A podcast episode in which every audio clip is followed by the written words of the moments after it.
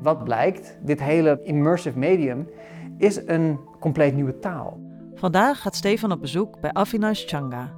Hij is een van de pioniers op het gebied van virtual reality. En die nieuwe taal heeft nog bijna geen vocabulaire. Met zijn bedrijf We Make VR timmert hij al ruim 10 jaar aan de weg en heeft alle belangrijke ontwikkelingen meegemaakt. Stefan dompelt zich onder in een virtuele wereld vol supermodellen en stapt een virtueel café binnen waar verschillende personages aan de bar zitten. Terug van zijn bezoek aan Affinage praat Stefan samen met Wouter na over de podcastreeks. Wat zijn de belangrijkste ervaringen die ze willen meenemen in hun verdere onderzoek? Ik ben heel positief, denk ik, over als we de, de ontwikkeling van zo'n metaverse, van immersieve technologie, als we dat samen doen met publieke instituties die we hebben en die we ook kunnen vertrouwen en die publieke waarden natuurlijk gezien in zich hebben, nastreven. Daar ben ik best wel hoopvol over. Ik ben iets minder hoopvol over dus van tech-push van grote bedrijven van we gaan hier nu allemaal in leven en dat lost dan, ja, wat lost dat op? Affinage wilde astronaut worden, maar ontdekte dat hij via VR ook op andere plekken terecht kon komen. En dat deed ik omdat mijn thuissituatie was uh, niet heel rooskleurig. Het was een ingewikkeld gezin, gewelddadig en uh, dat soort dingen. Dus die fantasiewereld van science fiction en videogames en, en zelf creëren, dat was heel erg mijn, mijn safe space. En dat ben ik eigenlijk in mijn carrière altijd blijven doen. Als gamer kwam Affinage al vroeg in aanraking met VR-headsets, maar die vond hij niks. Eigenlijk al vanaf de jaren 60 proberen bedrijven VR waar te maken en het is eigenlijk nooit gelukt. Maar de reden waarom de industrie dat altijd is blijven najagen, is omdat VR heel dicht zit bij wat wij als mensen doen. Wij als mensen zijn uh, sociale wezens. Als je iets meemaakt waar je heel blij van wordt of heel verdrietig van wordt, dan wil je dat delen met je naasten. En we zoeken daar al sinds de oudheid manieren voor. Weet je, rotstekeningen en later spraak, orale overdracht en boekdrukkunst. En het werd toen uh, tv en film. En we blijven maar streven naar nieuwe manieren om kennis over te dragen of een verhaal over te dragen. En in die zin heb je in VR zo'n beetje het meest krachtige medium op dit moment als wat we, wat we hebben. Weet je, met, met film, die schermen werden steeds groter en we zijn steeds meer speakers gaan toevoegen tot grote IMAX-schermen en 64 kanalen Dolby Atmos. En makers doen dat omdat ze hun publiek willen meenemen, willen immersen in een verhaal. Nou ja, in die zin is VR, zoals dat vandaag de dag is, veel meer immersive dan dat wordt het niet. Dus dat is waarom de industrie dat maar is blijven najagen. En eigenlijk was het dus zo dat pas in 2012 er weer een bedrijf kwam, dat heette Oculus. En die kwamen ook weer met het idee van, hé, hey, wij komen ook met zo'n VR-headset. En omdat we dus toen al in, de digitale hoek werkten, kregen wij vrij vroeg een, een, prototype daarvan. Met het idee van, kunnen jullie hier digitale content voor maken? Voordat jullie het wisten, kregen jullie een groot podium. En waarom was dat? Toen Oculus in 2012 begon met een Kickstarter, met die eerste VR-bril, was hun missie to fulfill the promise of VR gaming. En dat is iets waar gamers heel lang al op aan het wachten waren. En toen we als studio daar een beetje mee hadden getest, we waren toen nog niet We Make VR, kwam dus het vraagstuk bij mij van ja, maar hoe kunnen we dit dan realistischer maken? En hoe kunnen we dit eigenlijk filmen? En hoe kan je in een film staan? Nou ja, dat kon niet en alle techbedrijven en camerabedrijven zeiden van nou, dat, kan inderdaad niet. Maar ja, kan niet of wil niet, dat zijn twee verschillende dingen. En op een moment van inspiratie had ik een idee, dat ben ik gaan uitwerken en daar kwam de eerste professionele VR-camera uit. En toen we daarmee hadden getest, bleek dus dat we opeens de realiteit konden vastleggen met filmtechnologieën, dat aan mensen konden laten zien. En mensen hadden echt het gevoel dat ze in die wereld zaten. En dat was uniek. Een voorbeeld is, een van de eerste dingen die we hebben gemaakt, was een klein boottochtje door de uh, grachten van Amsterdam. Hier in deze studio kregen mensen die prototype uh, headset op, zagen dat, keken om zich heen, waren verbaasd van, oh wauw, ik kan helemaal om me heen kijken, boven en links en rechts en achter. Ik zie fietsers, ik zie andere bootjes. Mensen gingen automatisch zwaaien naar bootjes.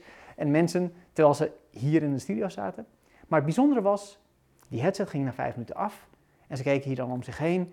En dan vroegen ze me, oké, dit was te gek, maar waar staat nou die ventilator en dat, dat straalkacheltje? En waar waren we verbaasd van, ja, die hebben we helemaal niet.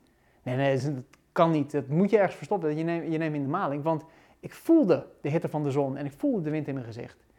En dat bleek dus heel bijzonder te zijn. Het bleek dus dat als de virtuele ervaring dusdanig realistisch wordt gemaakt, dat je hersenen flexibel blijken te zijn en dat soort fysieke sensaties gaan invullen. En dat was ongekend en dat was eigenlijk dus ons eerste moment van tractie. Dus mensen zagen iets, maar kregen ook een lichamelijke sensatie die niks te maken had met visuele waarneming. Wat toen dus bleek, is dat je visuele waarneming en ook je auditieve waarneming heel veel invloed heeft op de rest van je systeem. En de grap is dat toen we daarachter kwamen, toen zijn we dus onderzoeken gaan doen. We zijn gaan samenwerken met verschillende universiteiten en researchers om te kijken waarom dat zo werkt. En wat blijkt, dit hele immersive medium is een compleet nieuwe taal. Het is geen film, het is geen videogame, het is een nieuw medium wat daar ergens een hybride van is. En die nieuwe taal heeft nog bijna geen vocabulaire. Dus alles wat we doen, dat deden we toen, dat doen we nog steeds. Elk project dat we doen is om die vocabulaire van immersive te onderzoeken en door te ontwikkelen. Ik ben hier met jou in jouw kantoor in Amsterdam. Dus ik ben ook wel heel erg benieuwd hoe jullie hier eigenlijk aan het werk zijn. Ik ga jullie meenemen door zowel de geschiedenis van VR, maar ook hoe we daar als organisatie uh, doorheen zijn gegroeid. We gaan een beetje beginnen bij het begin van VR. En dat is dus de 360 graden video. Dat wil zeggen dat je zo'n bril op krijgt en je kan dan in een andere opgenomen wereld zijn waarin je helemaal om je heen kan kijken. Dus je kan links, rechts, boven, onder en achter je kijken. Je kan in deze ervaring nog niet aan de wandel gaan, dus blijf staan waar je staat. Ja. Mensen hebben, het is zo realistisch dat mensen dat wel proberen. Maar we hebben het hier natuurlijk een beetje beperkte ruimte, dus dat moeten we een beetje in de gaten houden. Zo, alright, die gaat over hier, precies. En dan mag je zelf die omlaag trekken. Draai maar een rondje, kijk maar om je heen. Oh wacht, nu sta ik in een soort studio. Je staat met uh, Gigi Hadid, een supermodel. Ja, oh kijk. ik denk op een, op een filmset. Dus het beeld verandert de hele tijd. Ik zie nu een filmset waarbij er geacteerd wordt dat er ergens een brand uitbreekt. Oh wauw, nu sta ik in een concertzaal te midden van een klassiek orkest. Ik sta eigenlijk recht voor de dirigent. Oh, wacht, nu lijkt het alsof ik in een helikopter zit. Dat klopt. Dat is inderdaad best wel heftig als ik dan naar beneden kijk. ik vlieg nu over een zee en ik hang eigenlijk met mijn benen uit de helikopter. Ik haal je eruit. Ja. There we go. Welkom terug. Je moet dit echt ervaren. Je kan erover praten, je legt het ook, ook goed uit. Maar het gevoel wat je hebt, nou ja, wat je net in die helikopter had, dat je ook echt dat even een beetje in je maag voelt van, oh wauw, je voelt die afstand. Dat is niet, ja, je kan wel in de bioscoop zitten of iets, maar dan heb je dat niet. En dat is een vraag die mensen vaak stellen, van ja, maar ik kan toch ook gewoon naar een film kijken. Dit is fundamenteel anders. Dit is meer alsof je dus een ervaring uh, ja, opnieuw meemaakt. Dus de eerste stap die we net gezien hebben is dat 360 graden beeld. Ja. En wat is dan de tweede stap waar we nu naar gaan kijken? In de 360 graden uh, video, en dit is dan oude, lage resolutie 360 graden video, dan merk je van oké, je hebt wel die sensatie dat je daar bent, maar je hebt verder geen fysieke beweging. Je kan niet gaan lopen, je hebt geen interactie met die omgeving. Uh, nu ga ik je iets laten ervaren waarbij je in deze ruimte fysiek kan bewegen. Je kan dus gewoon stapjes zetten. Natuurlijk is de studio niet zo heel groot, dus ik hou een beetje in de gaten waar je loopt. Dat je niet, Ik hou je tegen voordat je tegen de muren aanloopt. Dit is dan computer geanimeerd. En we gaan kijken wat dit doet met jouw gevoel van daar zijn. Jouw gevoel van presence en immersion. Je mag hier in het midden gaan staan. En dan krijg je deze bril op. Het is weer een andere bril die je opkrijgt. Ik draai hem weer even De eerste bril die we net op hadden, dat was de dat is de Oculus Quest, 2. 2 en deze? Dit is de Vive Pro. Ja. Uh, kijk, zit hij goed? Zit de koptelefoontjes goed? Je mag hem zelf een beetje af, aanpassen. Het beeld scherp. Oké, ik ga nu een nieuwe wereld in. En ik ben onder water. In een rustige, kalme blauwe zee. En ik sta op een schip dat gezonken is. Dus op een schipwrak. Op de bodem van de zee. En om me heen zwemmen allerlei vissen. Je kan naar de randen van dit schip lopen. Ik loop nu een klein beetje rond. Oh, er komt nu een hele grote blauwe vinvis aan. Blijf maar daar staan. ondanks dat ik weet dat het allemaal niet echt is, ben ik toch. Ja, precies. Je, je, kan, je kan een beetje naar jou rechts draaien. En dan kan je een paar stapjes dichter nog bij de vis komen. Even oppassen voor zijn staart. Oh. Ja, dus de vinvis die zwemt weg en die klapt zijn staat nog even richting mijn hoofd. Mag ik niet gewoon daar blijven?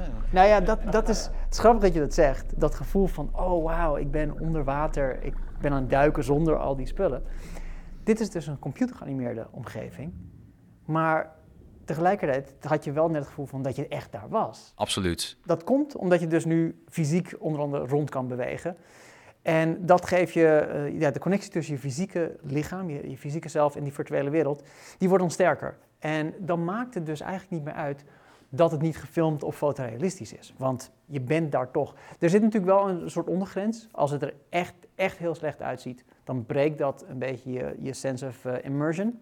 Maar dit is een ervaring die is al op, op niveau. En geluid, denk ik. Dat ook, tenminste, voor mij, dat geluid, dat trekt me heel erg aan. Het heeft uh, succes, de succesfactoren van, van een immersive beleving zijn veel meer dan alleen beeld. Het is beeld, het is het geluid, het is ook de mate waarin je op een natuurlijke manier kan bewegen.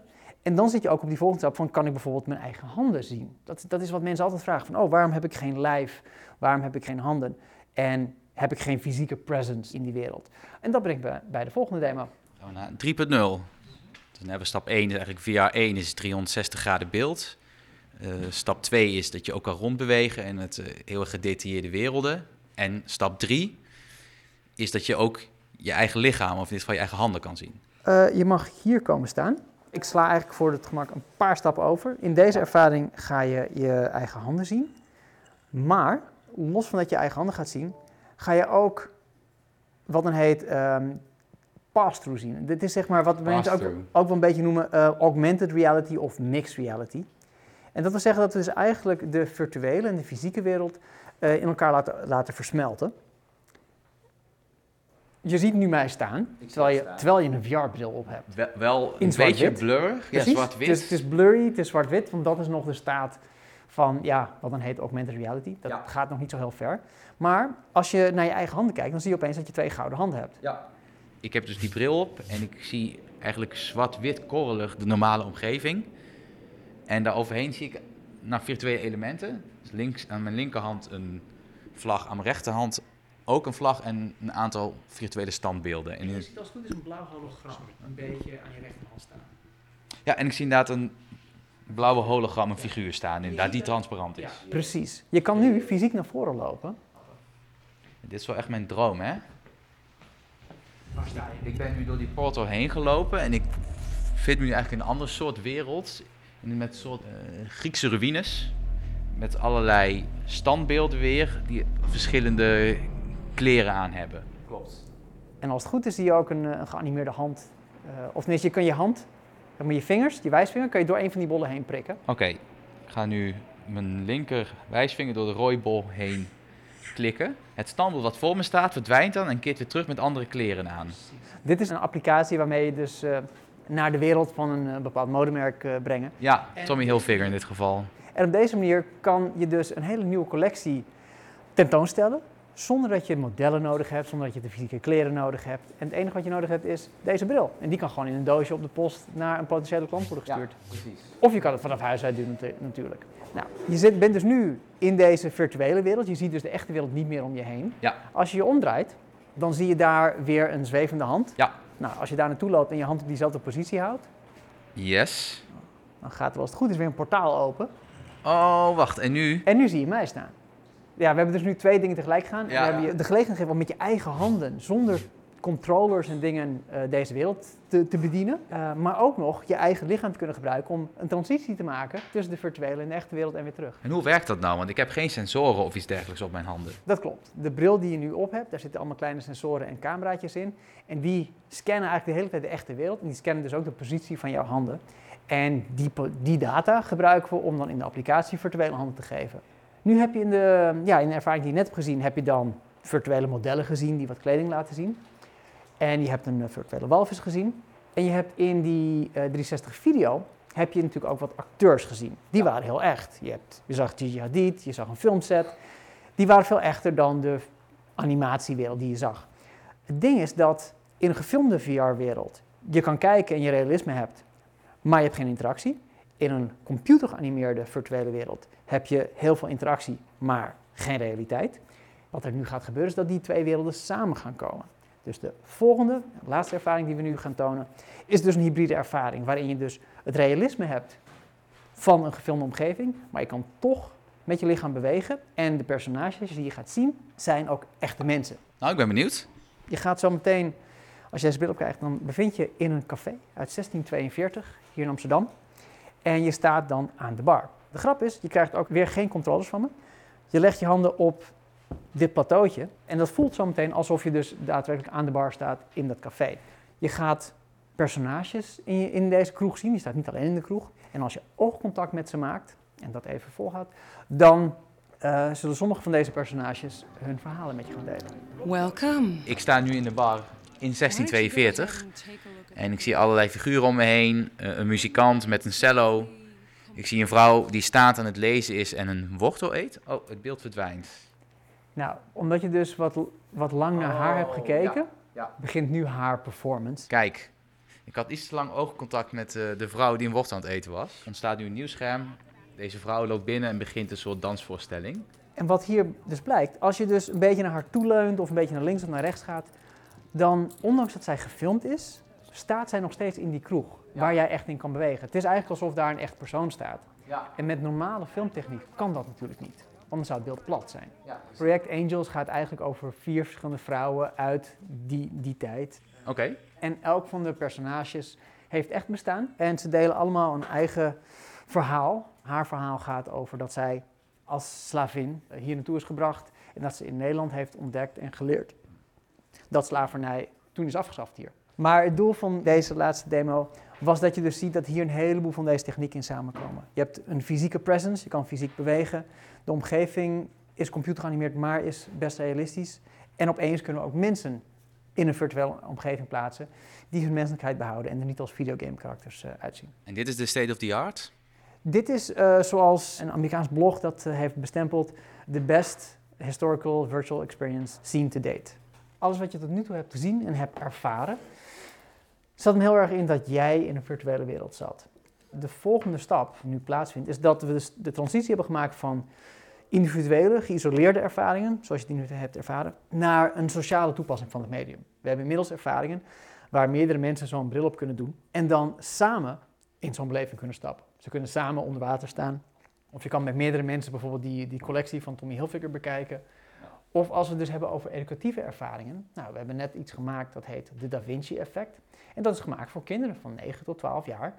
En die kunnen met z'n drieën of twee kinderen en een docent kunnen terug in de tijd gaan naar de workshop van Leonardo da Vinci. En die kunnen dan leren wat hij heeft bereikt en heeft gedaan in, in de kunst en in engineering. En dat project is heel erg gemaakt om kinderen te empoweren in hun studiekeuze. Dus als jij een jongen bent en je ziet dat Da Vinci de Mona Lisa heeft gemaakt en, en heel erg pivotal was in dat deel van de kunst, ja, ook al zeggen je ouders of je klasgenoten of je docenten van ja, maar kunst is niks voor jongens.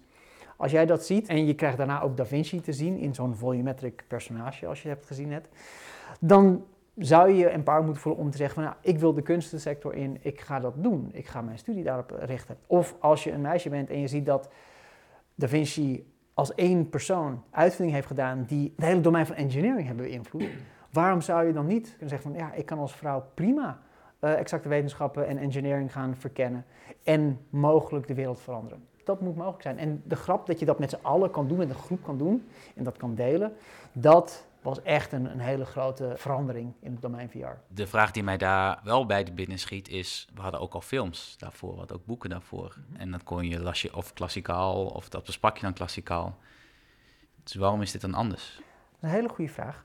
Wat er ontdekt is inmiddels is, hij begonnen al eerder van, mensen zoeken altijd naar manieren om kennis over te dragen, ervaringen te delen. En dat kan met al die middelen. De grap is, als jij, um, we weten eigenlijk in de geschiedenis van ja, je kan naar iemand luisteren en je daar, onthoud je daar misschien 1, 2 procent van. Je kan heel gefocust in een collegezaal zitten en dan onthoud je wat meer.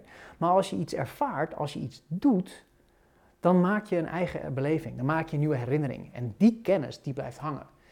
Middels VR kan je dus zelf dingen doen. Je kan zelf teruggaan in de tijd. Je kan zelf die puzzels en die uitvindingen van Da Vinci verkennen, in elkaar zetten. En op het moment dat je zelf tot die leerervaring komt, dan blijft die kennis veel beter hangen. Inmiddels is dat ook wetenschappelijk bewezen. Als je dus tijdens je studie of in je beroep getraind wordt met de hulp van VR-tools, dan ben je veel bekwamer als je daadwerkelijk de praktijk ingaat. Zo heeft uh, Johnson Johnson, groot medisch bedrijf, die hebben bijvoorbeeld medische trainingen uitgerold. We hebben ook een van de eerste VR-chirurgie-ervaringen gemaakt. Nou, wat blijkt? Als jij als student chirurgie VR als tool krijgt, op het moment dat je dan in de praktijk gaat, het eerste jaar dat je in elkaar staat, maken de chirurgen die met VR getraind zijn 40 tot 60 procent minder fouten in het eerste jaar dat ze aan het werk zijn, in vergelijking met uh, chirurgen die traditioneel uh, getraind zijn. Nou ja, als dat opeens blijkt zo te zijn, ja, dan ben je levens aan het redden. En dan kan je het je eigenlijk niet meer veroorloven om die technieken niet te gebruiken. Misschien een beetje een, wat gevoelige topic, maar ik ben toch even benieuwd. En als je niet wil reageren, is het ook goed hoor. Omdat je net kort aanstipte hè, over je eigen, eigen jeugd. Wordt vaak ook dat deze technologie ook wel gebruikt wordt om de realiteit te ontvluchten. Ja, tuurlijk. Dat is iets dat is eigenlijk altijd ja, dat hebben we door de eeuwen heen gezien. Dat was ook toen, toen de boeken voor het eerst uitkwamen. Van, oh mijn god, er ontstaat boekverslaving. Dat is vreselijk slecht voor jongeren. Mensen gaan zich daar helemaal in verliezen en hebben geen realiteitszin meer. Die, ja, vrees voor het onbekende is iets wat met eigenlijk elke nieuwe technologie uh, opkomt. En ja, een van onze taken als sector is ja, goed delen met mensen wat dit is. Wat kan je er wel mee, wat kan je er niet mee? Waar is het wel goed voor, waar is het niet goed voor? En ik vind dat wij als sector, als makers, een hele belangrijke uh, morele en ethische verantwoordelijkheid hebben. Om na te denken over wat maken we, hoe toegankelijk maken we het, gaan we op een juiste manier om met de ervaringen die we naar consumenten toe brengen. Tegelijkertijd is het natuurlijk ook een gezond stuk eigen verantwoordelijkheid van consumenten om ja, te kiezen wat ze wel en niet uh, gebruiken in VR.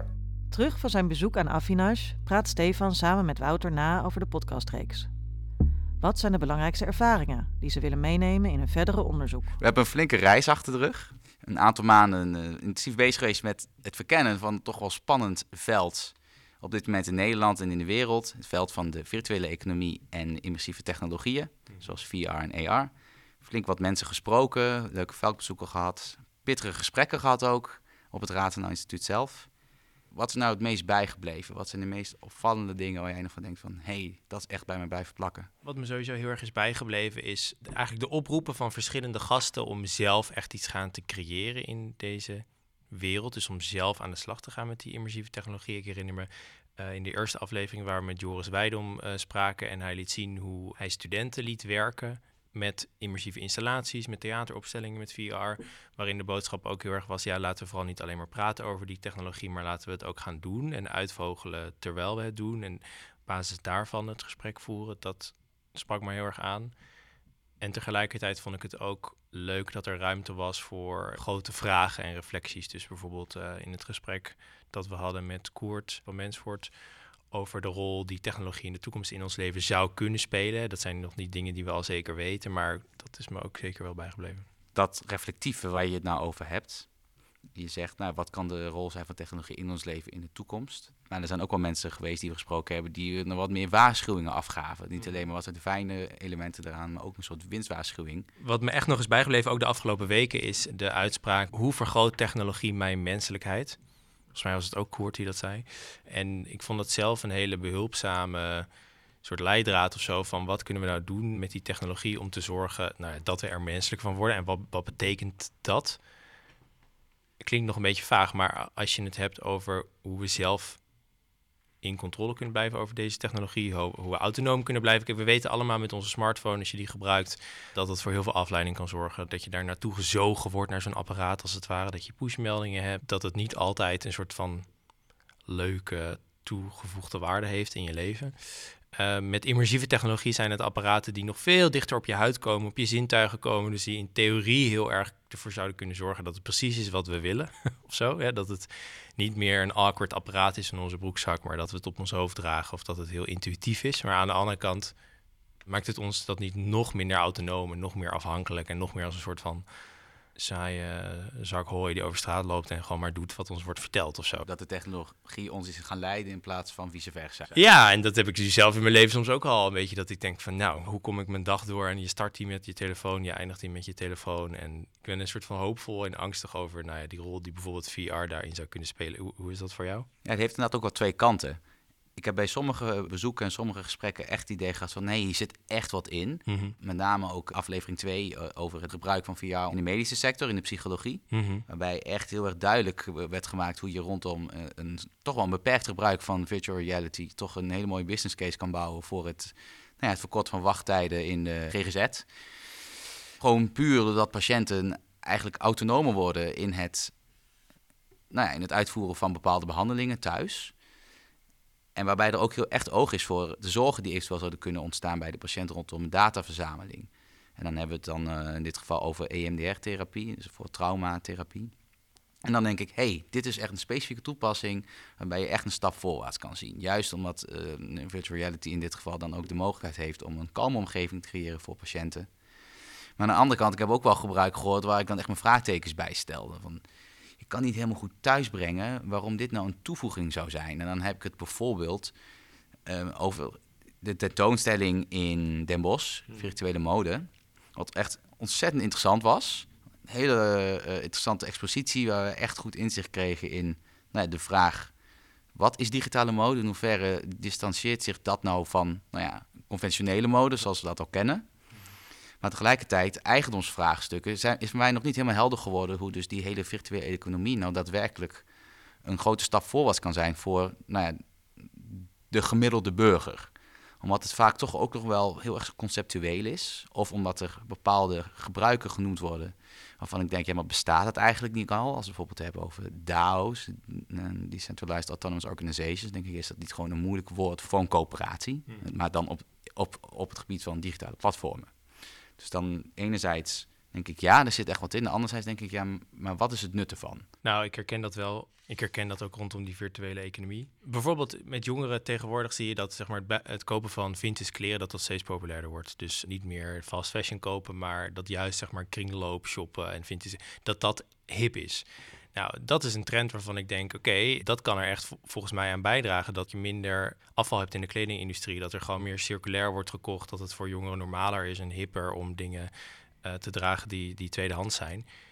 Terwijl bij virtuele mode vind ik het nog moeilijk om te zien van oké, welk real life probleem zeg maar, het nou een oplossing voor? Maar ik denk ook dat het, voor mij klikt het een beetje toen ik door had, oh, dit is eigenlijk hetzelfde als nou ja, bijvoorbeeld mode die wordt gepresenteerd op de Paris Fashion Week of zo. Dat is ook niet iets wat iedereen gaat dragen of waar we allemaal meteen een soort van nut en noodzaak van zien. Maar het is ook een kunstvorm, het is een uh, manier van zelfexpressie. Het beïnvloedt later weer andere, nou ja, het beïnvloedt weer de mode die we allemaal dragen. Dus toen ik het op die manier ging zien, snapte ik het al wel wat meer. Wat je daar inderdaad wel ziet in die virtuele mode, samen met de game-industrie, er zijn echt twee sectoren die heel erg vooruit lopen in de toepassing en omarming van nou ja, virtuele economie rondom het gebruik van blockchain, NFT's, maar ook het gebruik van VR en AR, immersieve technologieën. En deze podcast gaat natuurlijk over de metaverse. En wat we heel veel terug horen in al die afleveringen, is dat die metaverse toch wel iets te maken zou hebben met het virtueel gaan leven, het virtueel samen zijn. En volgens mij kunnen we ook constateren dat dat geen. De term is misschien nieuw, het woord is voor veel mensen nieuw, maar het idee erachter is oud. Vroeger noemde je dat gewoon social VR. Mhm. Maar toch op een bepaalde manier zie je dan in dat die metaverse al in twee sectoren dat heel erg concreet worden. En dat is toch ook echt interessant. Wat voor, ons misschien nog wel bijna verre toekomstmuziek is. Ook vanuit het. Uh, hè, van, voor ons als burgers. Uh, ik, ik ben niet bezig met mode. Ik ben niet per se bezig met games ontwikkelen. Maar hierdoor zie je wel opeens. Want dit is misschien toch een glimpje van. waar het zich naartoe zou kunnen bewegen. En dat maakt het ook al heel interessant. Ja, het werd zeker heel concreet. En dat vond ik ook heel erg toen we de stadswandeling uh, liepen in Leerdam dat je wel al een, ik denk echt een eerste glimp. Dus het, het, was nog een hele basale vorm eigenlijk van augmented reality. Je kon rondlopen en je zag af en toe, uh, kon je iets meer leren over de omgeving. Maar ik kan me zeker wel voorstellen dat als dat verder gaat, dat dat best leuk zou kunnen zijn. Stel je hebt een soort permanente personal assistant in de vorm van ChatGPT, maar dan ook echt in je gezichtsveld. En dus echt iemand die helemaal op jou is aangesloten en die je constant ook tips kunt geven, bijvoorbeeld van... Uh, ja, dat gesprek dat ging je net uh, niet helemaal lekker in. Ik zou het volgende keer zo zeggen, hè, dat je gewoon echt een soort van uh, avatar hebt die het met je meeloopt en een soort van het feedback geeft op alles wat je doet. Kijk, aan de ene kant kun je denken verschrikkelijk, maar het is dan is het in ieder geval wel heel gepersonaliseerd. Ja, dan, dan zie ik al veel meer hoe dat best wel in het leven van mensen zou kunnen passen. Zeker met iets als ChatGPT, wat nu toch echt, nou ja, in een paar maanden tijd best wel groot aan het worden is. En wat mensen ook echt al gewoon in, in het dagelijks leven gebruiken. Dus als je dat zou combineren met ook echt input op wat je ziet en wat je hoort en wat je beleeft en hoe je met mensen omgaat. Ja, dat zou best wel revolutionair kunnen zijn. Alleen het gaat telkens, voor mijn gevoel is het telkens een soort We zijn er net nog één stapje van weg of zo. of meerdere stapjes, maar... Ja, elke dag uh, is een stap richting die toekomst natuurlijk. Maar het mooie is, wat je dan ook wel veel terug hebben gehoord... haakt er heel erg, heel erg op in. Van wat kunnen we verwachten, maar wat kunnen we er zelf ook aan doen? En dat is ook een reden waarom ik zijn gaan kijken naar de onderwijssector. Ja. Omdat vaak wordt gezegd, de toekomstige generaties... die moet je eigenlijk dan maar wapenen of opleiden... of in ieder geval bewust maken van het gebruik van dit soort nieuwe technologieën... maar ook van de gevolgen ervan. En dat is enigszins wel goed om te zien dat in de klas dat er al docenten zijn die hier heel erg mee bezig zijn, die dus VR en AR proberen toe te passen in hun lesmethodes. Enerzijds om gewoon gebruik te maken van die technologie, van die brillen, zet hem maar op, ga maar een beetje klooien. En anderzijds ook nou ja, af en toe proberen daar een gesprek over te voeren. Eh, maar anderzijds zie je ook in de onderwijssector dat ze zelf ook kampen met de dilemma's. Welke dilemma's? De dilemma's rondom moet ik deze technologie wel gebruiken? We zijn eigenlijk genoodzaakt als onderwijssector, uh, hebben we gehoord in een van de interviews, om bijvoorbeeld gebruik te maken van technologie die door grote technologiebedrijven wordt geboden. Waardoor je mogelijk afhankelijk wordt van die technologiebedrijven. En dat zijn dan dezelfde technologiebedrijven die nu proberen um, ehm, JetGPT uh, toe te passen in hun eigen zoekmachines. Waarbij je dus eigenlijk het cirkeltje weer rond is, opkomende technologieën. Dat die dan eigenlijk ook vrij snel weer terugkomen in de handen van dezelfde technologiebedrijven. Waar we nu al vraagtekens bij stellen, maar tegelijkertijd ook niet zonder kunnen. En dus ook de onderwijssector, waar we toch veel belang aan hechten voor de toekomst, zit zelf ook gedeeltelijk vast in diezelfde dynamiek. Mhm. Ik vond wel dat bij, in ieder geval bij gezondheid, vond ik het een heel goed voorbeeld van hoe dat voor mijn gevoel wel goed ging. Dus je hebt natuurlijk die grote machtige technologiebedrijven, de makers van die brillen. En wat we hebben gezien bij de psychologische kliniek die VR gebruikte in therapie, is dat zij heel erg tussen die patiënt en het technologiebedrijf gingen staan, ook om die patiënt te beschermen. Dus zij zorgden ervoor dat de naam van die patiënt niet werd gedeeld uh, in de app, dat ze alleen een nummer hadden, dat het geanonimiseerd was, dat er geen account nodig was van, uh, van bijvoorbeeld Meta. En dan zie je dat zo'n publieke gezondheidsinstelling bepaalde doelen in zich heeft die niet commercieel zijn. Hè. Die gaan over het goed behandelen van een patiënt, om het beschermen van, van dienstgegevens, et cetera. Dat als je op die manier werkt, dus vanuit publieke belangen en publieke waarden, dat je echt wel hele gave dingen kunt doen met die technologie, terwijl je ook de gebruiker zeg maar, beschermt. Maar als je die derde partij niet hebt, of dat nu dus in dit geval een, uh, een psychologische kliniek was, of dat dat een onderwijsinstelling is, als je dat niet hebt, dan ben je veel meer als gebruiker overgeleverd aan, nou ja, de gebruiksvoorwaarden en de wensen en de weet ik wat, die modellen van de bedrijven die de brillen en de software maken. Daarmee zeg je eigenlijk, Je hebt het over producten die gewoon binnen een markt functioneren of verschillende markten. En je hebt dus wel macht als eindgebruiker. Je ziet in andere sectoren, zoals de voedingsindustrie, zie je dat er enorm veel belang wordt uh, gehecht aan voedselveiligheid. Aan uh, dat je als consument eigenlijk altijd weet dat producten veilig zijn, getest zijn. Dat er zoiets is als een houdbaarheidsdatum. Kijk, ik hoef niet in de supermarkt bij elk product op te letten of te onthouden van, oh ja, dit is een ei, dus die is zo lang houdbaar. Dan moet ik misschien maar even kijken of dat.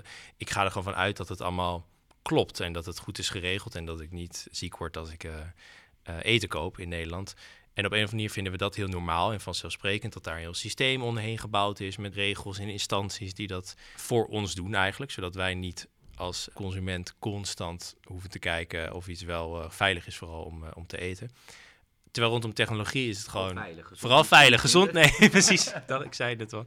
Terwijl met technologie vinden we het op een of andere manier heel normaal... dat we zelf verantwoordelijk zijn voor het goed gebruik van... Uh, nou, bijvoorbeeld van virtual reality, augmented reality. Terwijl onze belangen misschien helemaal niet altijd op één lijn liggen met de ontwikkelaars van die software. Soms wel, en dan is het mooi en dan is er misschien ook niks aan de hand. Maar soms ook niet. En zeker op de lange termijn is het nog best moeilijk in te schatten wat die gevolgen zijn. Terwijl de makers van de hardware, van de brillen, nu gewoon erg gericht zijn op zoveel mogelijk mensen daar naartoe trekken, zeg maar. Ja. En ik merk bij mezelf ook wel dat het was ontzettend interessant die, die verschillende mensen te spreken en hiermee bezig te gaan. Maar ik heb nou ook nog niet meteen de, de drang om naar de winkel te rennen en, en zo'n bril te kopen. Dus in ieder geval op dit moment, zeg maar, de specifieke use case van die brillen en wat je eraan hebt en waarom je het in je dagelijks leven zou gebruiken, die, ja, die voel ik nog niet echt eigenlijk. Ik weet niet hoe jij dat hebt. Nou, nee, ik ben inderdaad weinig toepassing tegengekomen waar ik echt heel van ben wakker geschrokken. Van nee, uh, dit, dit wil ik nu in mijn huis hebben. Sterker nog, ik heb een, uh, dit een VR-bril thuis liggen van het Rato Instituut. En ik heb hem eerlijk gezegd nog niet opgezet. Terwijl die gewoon op een nachtkastje ligt, wijze van. Maar dus ja, een van die weinige toepassingen die ik dus gezien heb, die ik wel heilzaam vond, was inderdaad dus in de, in de medische sector. En, uh, nou ja, en dus inderdaad, hey, ga ermee mee experimenteren in de scholen. Mm. En we hebben natuurlijk ook al voorbeelden gehoord van mensen uh, die heel veel waarde gehaald hebben uit uh, nou ja, het virtueel elkaar ontmoeten tijdens de, de coronapandemie. Mm Dus dan heb je het over het stukje nou ja, met elkaar connecten als je met z'n allen zit opgesloten thuis. Maar goed, dat is sowieso een situatie waar we niet op zitten te wachten. Maar voor de rest, het, is ook niet, het hoeft ook niet altijd zo te zijn dat de technologie een bepaalde maatschappelijke functie heeft. Ik denk dat het, mi het minimale is dat het niet op een bepaalde manier zaken verslechtert. En dan hebben we het natuurlijk wel over een soort van nou, ethische of maatschappelijke verantwoordelijkheid van die ontwikkelaars. Uh, van nou, hoe kun je er in ieder geval voor zorgen dat een publieke waarde niet te veel, of eigenlijk niet te veel, dat die niet onder druk komen te staan door de brillen of door de headsets uh, die op de markt worden gebracht. En dat, dat maakt de technologie sector, dus de digitale technologie sector, misschien dat wel net anders nog dan de sectoren die je hiervoor noemde. Veiligheid is in de, in de voedselindustrie natuurlijk dan een belangrijk eh, element, maar controle dan weer net minder. En bij digitale technologie, het is natuurlijk een vrij nieuwe sector in dat opzicht. Technologie is natuurlijk zo oud als de mensheid, maar digitale technologie is vrij nieuw. En daardoor is het misschien wel een van de redenen dat het nog heel weinig geïnstitutionaliseerd is, hoe je daarmee om moet gaan met z'n allen. Omdat het misschien ook wel abstract is, als we niet eens een zinnige uitspraak kunnen doen over de vraag of een virtuele ervaring nep of echt is.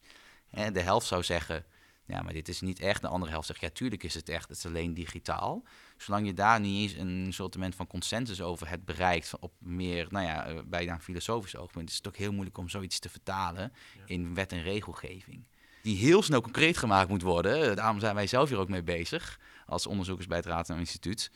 Om, ondanks dat het nog niet duidelijk is wat die toekomst gaat brengen, toch zoveel mogelijk concrete zaken te vinden waarin het mis kan gaan of het juist de goede kant op kan bewegen. Zodat je op zijn minst daarvan casuïstiek kan ontwerpen, mhm. waar, waaraan je ook regelgeving of richtlijnen of uh, nou, codes of conduct kan ontwikkelen.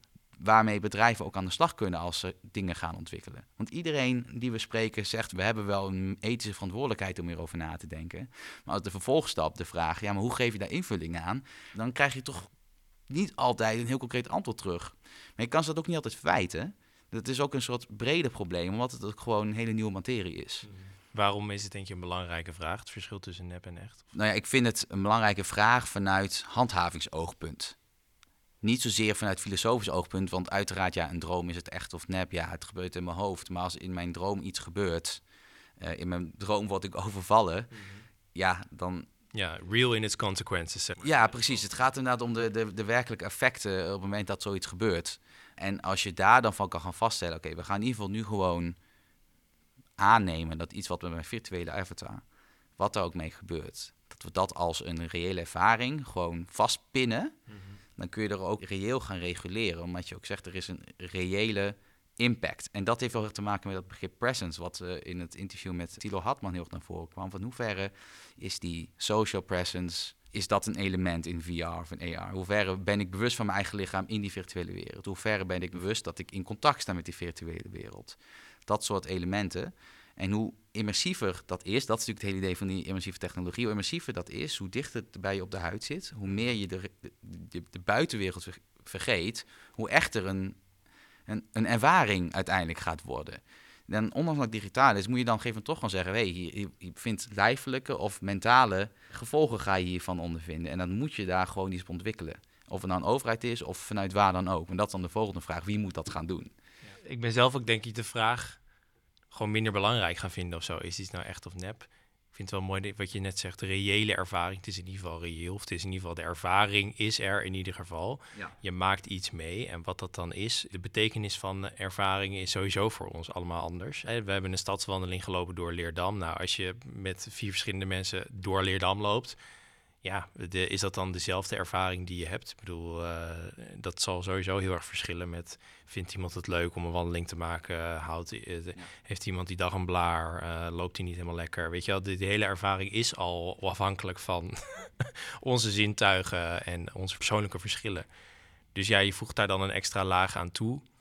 Het is, dat is dus niet per definitie dan minder, minder echt of zo. Het is alleen wel zo, denk ik, hoe gepersonaliseerder het wordt, hoe lastiger het wordt om daar nog het gesprek over te voeren. Dus je kunt in ieder geval, als je samen die stadswandeling loopt in Leerdam en ik had een blaar en die liep daardoor heel slecht en jij niet, dan hebben we in ieder geval, kan ik zeggen van nou, ik vond helemaal niks, want zoveel pijn in mijn voeten of wat dan ook.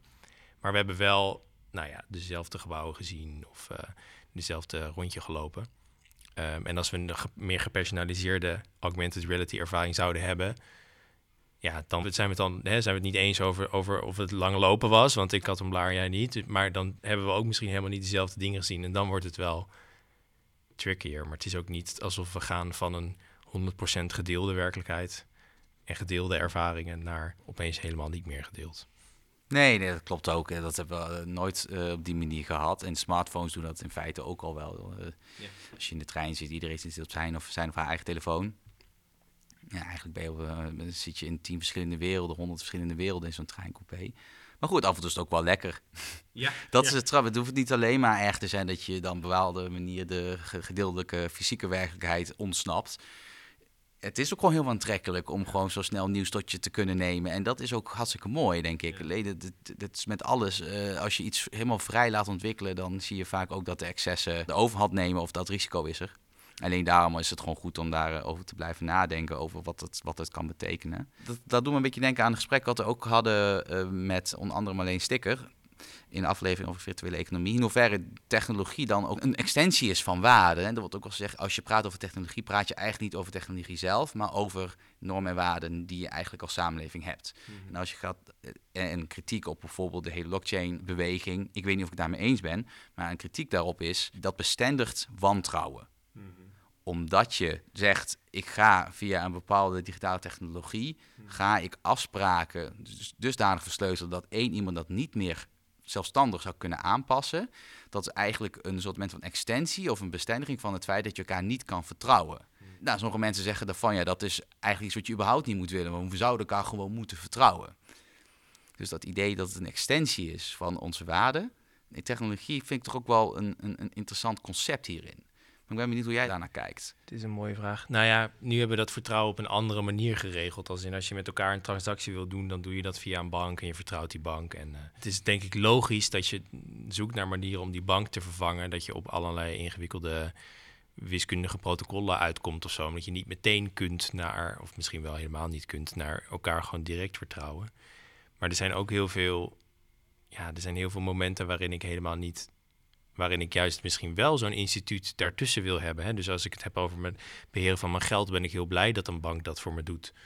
En dat ik me daar niet zelf zorgen om hoef te maken. En dat het niet iets is wat ik, waar ik verantwoordelijk voor gemaakt word. Maar dat, dat, ja, er zijn heel veel dingen in mijn leven waar ik graag verantwoordelijk voor ben. Maar, maar niet voor het veilig houden van, van mijn geld. Bijvoorbeeld andere mensen misschien wel. Maar je, moet die samenleving denk ik ook op een bepaalde manier regelen. Dat je die, dat je die verantwoordelijkheden verdeelt. Maar ik heb er niet echt een nog een antwoord op, denk ik. Ik denk dat je daar gewoon twee visies ook op hebt. De een zegt, ja, maar inderdaad, nu gaan we het wantrouwen allemaal gewoon uh, eigenlijk externaliseren. Aan de andere kant kun je ook zeggen, ja, het is ook gezond om wantrouwen te hebben. Het is niet voor niets een emotie. En een, ja, soms ruik je onraad bij dingen en dan ben je blij je, je mechanismen hebt die je kunnen helpen daarbij. Dat vond ik misschien wat het ingewikkeldste onderwerp. Uh, niet zozeer VR, AR, uh, virtuele economie, mixed reality, dat heel erg boeiend is en dat levert allerlei vraagstukken op uh, rondom werkelijkheid. Wat is, wat is wel echt, wat is niet echt? Nou ja, we hebben het er net over gehad. Maar vooral zeg maar, dat stukje virtuele economie, digitaal eigenaarschap. Hè, hoe kunnen we het internet hervormen? Dat hoor je ook heel veel terug. De Web3-beweging, dus we gaan als gebruikers zelf het hef weer in handen nemen. Klinkt allemaal heel mooi, maar dan komt bij mij de gedachte op die jij eigenlijk ook zegt van ja, maar wil ik dat wel? Ik wil inderdaad niet per se dat al mijn digitale producten... dat die allemaal in handen zijn van dezelfde kleine clubje bedrijven. Maar goed, aan de andere kant, ik ga zelf ook niet de hele dag dat zitten organiseren... Nou, bijvoorbeeld Marleen Sticker, die, die noemde het begin van het internet en hoe het in het begin van het internet mogelijk was en, en op zich nog steeds, maar om jouw stukje internet toe te voegen aan het internet en een website te bouwen en jouw stukje internet daaraan te hangen. Maar we kunnen ook niet van iedereen verwachten dat hij dat doet. Hè? Dus ik was bijvoorbeeld als kind was ik heel veel aan het experimenteren met het maken van websites. En had ik weer een of ander domeinnaampje. En dan had ik daar een website die drie mensen uh, bekeken, zeg maar. Alsof je gewoon... Uh, het was gewoon echt om te spelen, om mee te experimenteren. En ik vond dat ook leuk. En ik haalde daar voldoening uit. En ik leerde dus hè, daardoor om te gaan met die nieuwe technologie. Maar ik denk ook niet dat je van iedereen kunt verwachten dat ze er op zo'n manier mee omgaan. En dan kom je dus al snel bij. Nou, bijvoorbeeld als je je bestanden veilig wilt opslaan. Ja, je kunt dat thuis doen op een harde schijf die niet aan het internet is gekoppeld en dat is dan heel veilig. Maar ja, dan vliegt je huis in de fik en dan ben je alles kwijt. Dus misschien wil je het ook op een andere plek opslaan. Nou, dan kom je al en dan kun je het doen bij Google of bij Apple of bij wat voor groot techbedrijf dan ook. Uh, dat is heel makkelijk, dat is heel goedkoop, dat is betrouwbaar. Ja, of je kunt proberen zelf een servertje ergens in elkaar te knutselen of bij iemand op zolder iets neer te zetten. Of, dit kan allemaal wel, maar ja, je, je kunt dat ook niet van iedereen verwachten. En die belangen zijn ook hè, het feit dat je, dat je wil dat je familiefoto's gewoon veilig zijn als, er, als je huis in de fik vliegt, is ook een belangrijk belang. En dan van iedereen te eisen dat ze dat allemaal zelf in beheer nemen. Dus dat, dat hervormen van het internet, ja, dat is nog best een klus. Is het nou na deze hele reeks, is dat nou meer een vraagteken geworden, die vraag bij jou, of is er een voorzichtig uitroepteken? Ik ben heel positief, denk ik, over als we de, de ontwikkeling van zo'n metaverse, van immersieve technologie, als we dat samen doen met publieke instituties die we hebben en die we ook kunnen vertrouwen en die publieke waarden natuurlijk gezien in zich hebben, nastreven. Ons publiek gefinancierde onderwijssysteem. Dus als je het samen doet met hogescholen, met mbo-instellingen, met, met middelbare scholen, met basisscholen, als je het samen doet met zeg maar, mensen die nu opgroeien en ook die vragen niet schuwt. Dus niet alleen maar zegt, oh wat leuk, kijk VR, maar ook samen gaat nadenken over hoe zou je het nu vinden als iemand eh, met je mee zou kunnen kijken? Of zou je het eigenlijk leuk vinden om je hele leven hierin door te brengen? Of gewoon met elkaar allerlei vragen te verkennen. Daar ben ik best wel hoopvol over. Ik ben iets minder hoopvol over dus van tech push van grote bedrijven van we gaan hier nu allemaal in leven en dat lost dan ja, wat lost dat op? Wat ik je hoor zeggen, eigenlijk oproep tot nou ja, met elkaar in gesprek gaan, maar er ook misschien een bepaald niet bekwaam worden in uh, nou ja, wat je ziet, wat je gebruikt. Mhm. Ja, dat staat toch wel echt in relatie tot een begrip als technologisch burgerschap. Dus roep jij op tot technologisch burgerschap? Technologisch burgerschap is denk ik, het is een moeilijke term, maar het gaat eigenlijk over ook uh, niet alleen maar een gebruiker zijn van technologie, maar ook een bepaalde mate van reflectie hebben bij het gebruik van die technologie. Je kunnen er mening over kunnen vormen, misschien zelfs over kunnen gaan tot politieke actie. Dus het is in ieder geval belangrijk en ik hoop dat deze podcast daar ook aan bijdraagt. Um, dat mensen snappen wat de ontwikkelingen zijn op het gebied van immersieve technologie, wat verschillende mensen vinden van die metaverse, uh, hoe je er naar kunt kijken. Dus we hebben volgens mij ook mooi laten zien dat mensen er op verschillende manieren naar kijken, de een hoopvoller dan de ander. Maar dat helpt om je ook zelf af te vragen, wat vind ik hier eigenlijk van? Hoe sterk is die mening eigenlijk? En betekent dat ook dat ik er misschien iets mee moet? Kan ik uh, ook oproepen tot uh, politieke actie? Wil ik me met andere mensen hierover uh, gaan verenigen? Is het iets waar ik heel enthousiast over word? Dus ik wil graag dat iedereen hoort hoe geweldig VR is. Of ben ik juist sceptischer? Of... Het gaat om een bepaalde mate van reflectie die verder gaat dan... Ja, ik heb een telefoon en daarmee zit ik elke dag tien uur op sociale media. Maar het gaat, ja, een leveltje hoger dan dat eigenlijk. Ik, het zou heel leuk zijn en fijn als deze podcast daar aan bij kan dragen. Inderdaad, dan cirkeltje rond, want dat is, wat we geprobeerd hebben te doen in deze podcastreeks. We hebben natuurlijk een inkijkje willen geven op een uh, wat andere manier dan we dat normaal doen binnen het Ratendaal Instituut. Uh, via onderzoeken, via rapporten, via berichten aan het parlement. Om het ook de belevenis naar uh, de mensen toe te halen. Want als er één ding is wat ik geleerd heb, is dat je immersieve technologieën, zoals VR, AR, maar ook een virtuele economie, dat je dat eigenlijk alleen maar goed tot je door kan laten dringen als je het ervaart. En daar zit de paradox. Je kan het alleen maar leren begrijpen, leren gebruiken door het ook daadwerkelijk te gaan gebruiken. En daarmee ook weer het gebruiken van te bestendigen. Ja. En dat is een, een, een soort conflict in mijn hoofd waar ik af en toe tegenaan loop. Maar juist ook daardoor ook weer telkens geboeid erdoor blijf. Ja, nou en misschien zou mijn oproep dan ook wel zijn... niet per se koop nou zo'n VR-bril... maar ga nou kijken naar plekken waar je dit kan ervaren... gecureerd door mensen die, die er verstand van hebben... en die jou iets bepaalds willen laten ervaren. Dus ga naar een museum waar dit wordt toegepast... naar een expositie... Uh, ga naar... Uh, Impact Instituut bijvoorbeeld in Utrecht. Bijvoorbeeld Impact in Utrecht waar we zijn geweest. Maar ook op ja, Design Museum, de Dutch Design Week in Eindhoven, wat elk jaar in Nederland is. Dus ga naar plekken waar mensen zijn die jou hierin mee kunnen nemen. Die je er wat over kunnen vertellen. Vorm, ja, vorm de, zelf je mening. Maar weet ook in ieder geval dat er uh, een gebruik van deze technologie bestaat naast de soort van push van grote techbedrijven die willen dat je gewoon zo'n bril koopt en die opzet. Geniet, maar gebruik met mate. Dit was de laatste aflevering van onze podcastreeks over immersieve technologie. Bedankt voor het luisteren. Blijf het werk van het Ratenau Instituut volgen op ratenau.nl. Wil je reageren op de podcast? Stuur dan een bericht naar podcast.ratenau.nl.